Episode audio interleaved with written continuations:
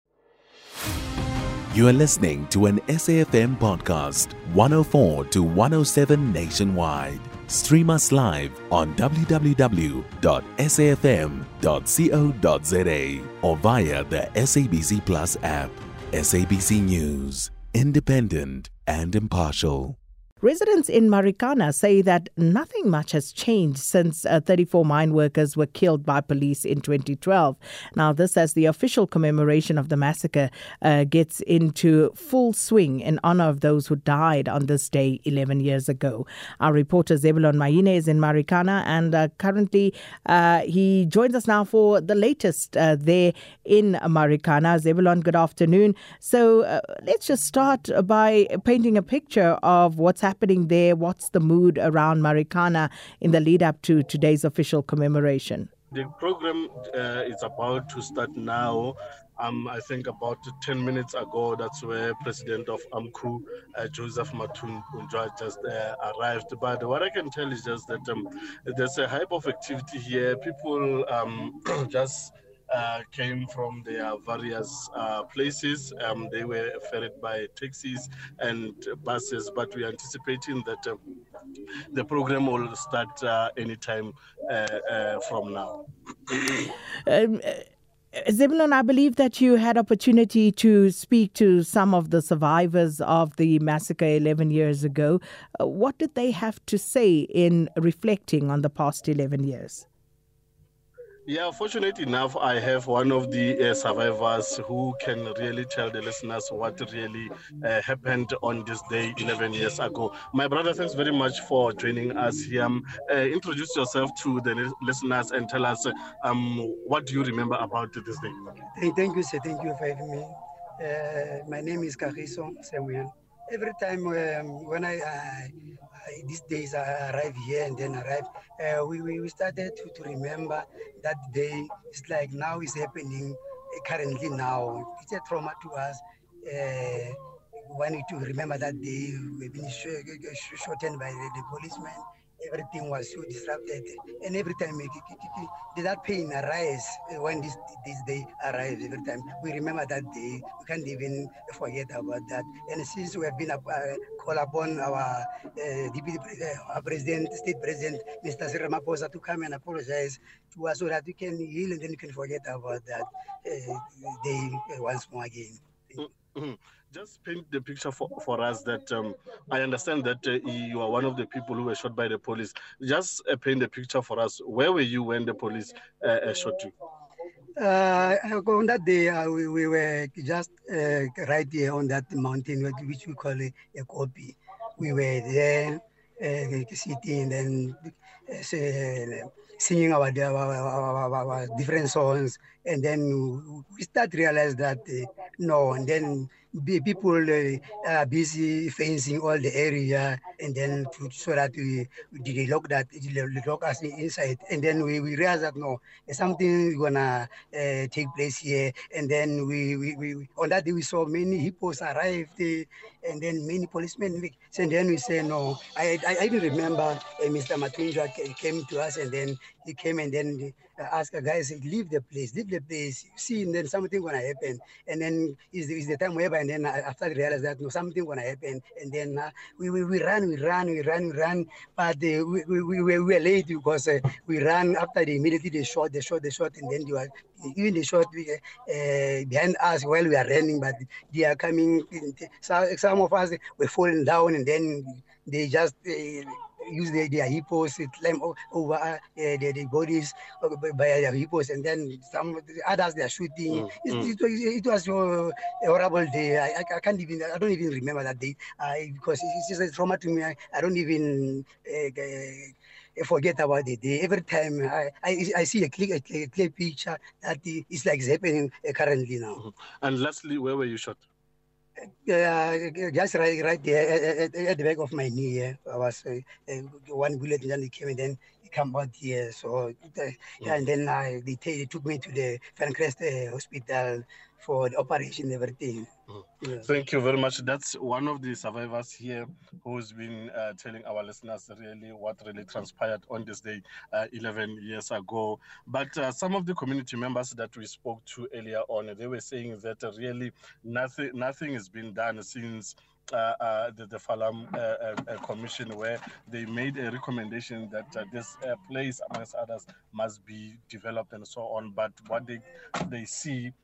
is the the increase of um, shacks in this area.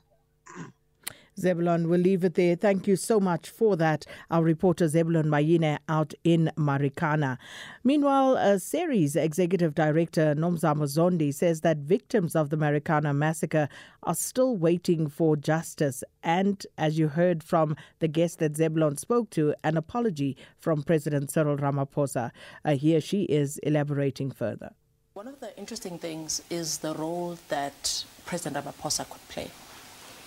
Um, one, let's say we accept his position. We accept that he did nothing wrong.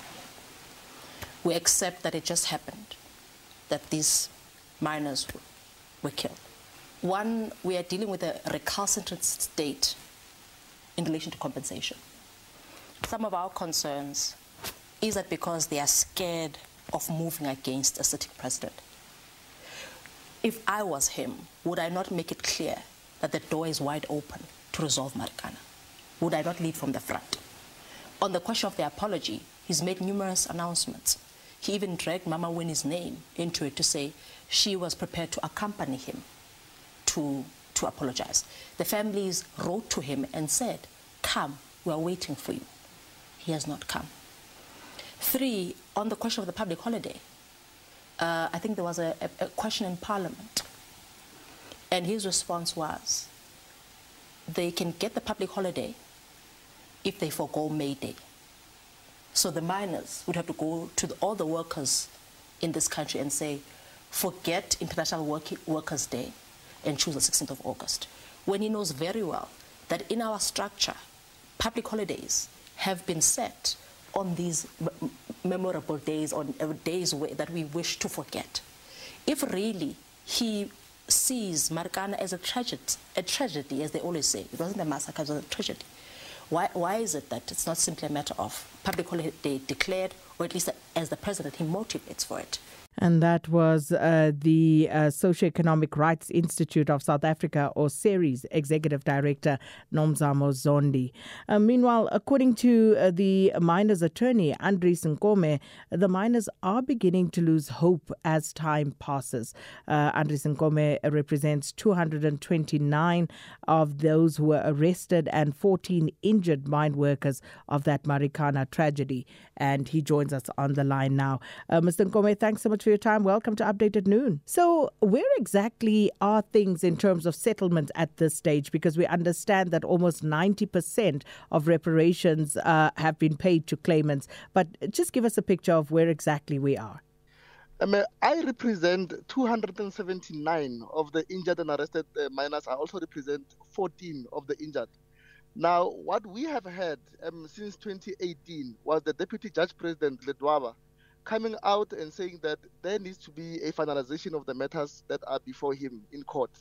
In the past year, he then allocated uh, priority dates, and on, the, on, those dates, we were able to have uh, settlements discussed, court orders made, and then payments had been made to 90% of uh, our clients. In respect of the balance, we have those where we are supposed to finalize quantifying the value of the injuries And uh, I can confirm now that our part has been finalized. We all just now need to go back to the deputy judge president, get another uh, set of dates, and go back to court and have the matters finalized.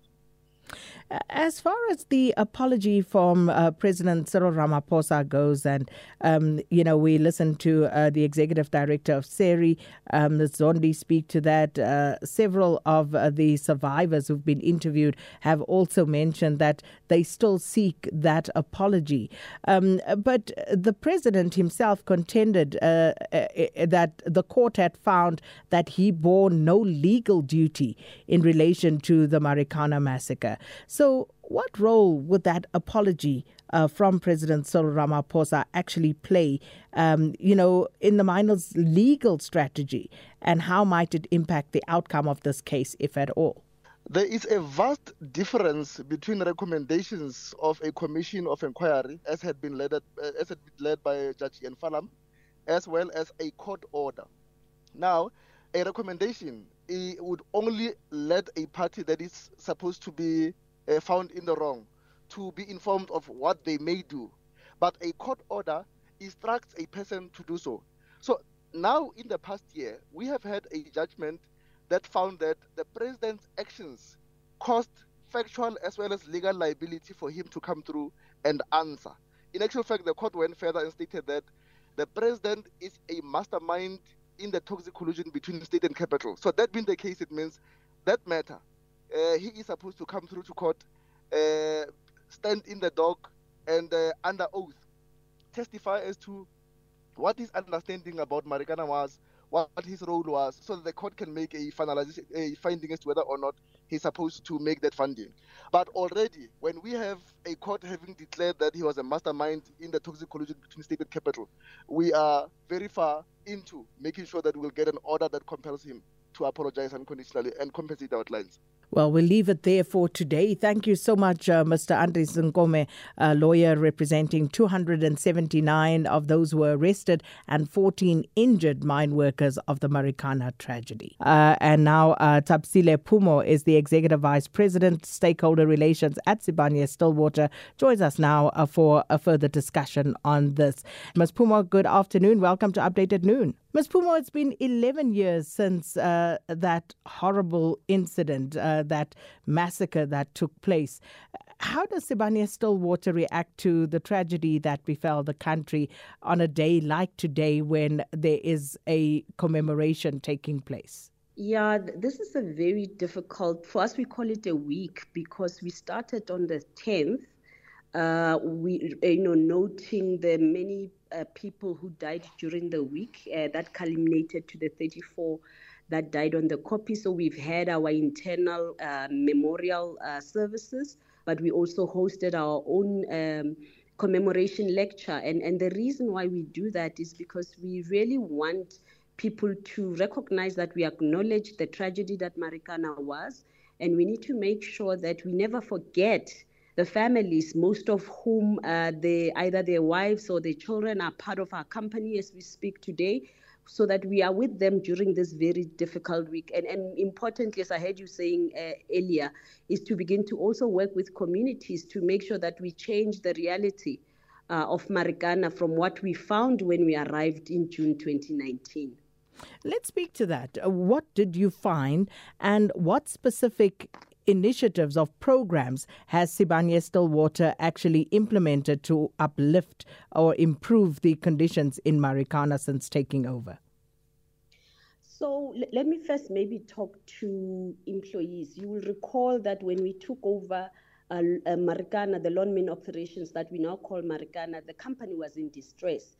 So at Sibanye, we were able to secure uh, by our rival uh, the job of close to 23,000 employees. And you will remember that in terms of the dependency ratio, for every mine worker, 10 people do benefit. So I think that one is, is one of the most critical aspects uh, that we, we need to note. But secondly, you may be aware that uh, we obviously had to take over some of the issues relating to, to labor And as I'm speaking to you, we have a five-year wage deal with, with employees. So now, if you remember, part of what the employees were fighting for at that time was 12,500. But as I speak to you today, a basic pay of an entry level uh, minor is 16,000 and if you look at the total guaranteed uh, income we are now talking 23,000 which includes uh, various benefits and, and that is significant uh, shift from when we started in 2012. And in addition to that, uh, we also have been paying dividends, profit share uh, to employees, and just uh, with the dividends paid this year only. Uh, before payers UN, each employee got at least 39,000 in terms of uh, profit share. So there's been a significant shift in terms of what has happened in terms of the livelihoods uh, of employees. And then coming to the issue of uh, living conditions, which was a critical issue during the time, I mean, as a company, we have continued uh, to ensure that there is uh, better living conditions for our employees in the ho- in the form of um, apartments, in the form of converting what used to be former hostels into into um, family units. And as I'm speaking to you, uh, only 6% in terms of the, the research that we have done, only 6% of employees uh, live uh, in informal settlements. And all of the 23,000 employees I've mentioned do get a 2,400 living out allowance, which should enable them, even that 6%, to be able to secure some decent accommodation in and around the area. And in addition to some of the programs that we are initiating with government to formalize uh, the informal settlements uh, so that we can be able to work together with government to begin to ensure integrated and decent uh, human settlements in areas around our operations. So, so that is what we have done from in, to benefit our employees, and I can move on to communities if, if that's what you would want us to focus on today. Mm. Uh, uh, just in terms of you know what your plans are uh, to ensure that you uplift the broader community around the mines as well. You you did touch on uh, some of the things that you are doing, uh, but uh, by and large, listening to some of the people who are resident in the area, uh, they seem to uh, uh, complain that nothing much has changed changed in terms of their living conditions, Ms. Puma? Yeah, thank you for that. And I think that's a critical point. When we arrived in Marikana, we had to fast track the delivery of community projects. I mean, as I'm speaking to you, you go into the Marikana itself, the clinic in Marikana is, was constructed by us, Majakaneng uh, Clinic, Sonop Clinic, and I think that the, the, the schools that we've also built since we arrived in, in the area. The biggest challenge that everybody needs to note is the informal settlement that everyone refers to, which just adjacent uh, the copy, uh, where we are working together with um, the owners of, of, of, of that land as well as government to formalize uh, that informal settlement because you remember it's, it's only once you formalize the settlement that you can begin to deliver significant uh, uh, programs into into those informal settlements but if you look around where communities are formalized where we can provide services. We've not only done clinics and schools, we've also, also done roads and busy with uh, water installation projects. So when it comes to Nkaneng, it is just important for people to have a perspective that the land belonged to someone. It was illegally occupied at the time, and there's a process that needs to be followed in terms of formalizing it so that you can now begin to have not only yourself, but government providing basic services into the area. And as Sibanye, we do have experience in, in working towards formalizing township. We've just recently formalized one informal settlement uh, in Rustenburg where government is now going to work together with us to provide services. So we are hopeful that in the not so distant future, we would be able to reach that reality, obviously, in agreement with various stakeholders. to the formalization of Nkaneng, which is the informal settlement that everybody has been talking about for the last 10, 10 years, but not a lot of effort before we arrived was putting into ensuring that the landowners agree uh, to the formalization process. But then government does come into the play to make sure that they can take that process of proclamation forward. Well, we'll leave it there. Thanks so much, uh, Ms. Uh, Tapsile Pumo, who is uh, Lonman, uh, uh, the Executive Vice President for Stakeholder Relations at Sibanye Stillwater. You can find SAFM Current Affairs on 104 to 107 nationwide. Our podcasts are available for download on all our digital platforms. SAFM leading the conversation.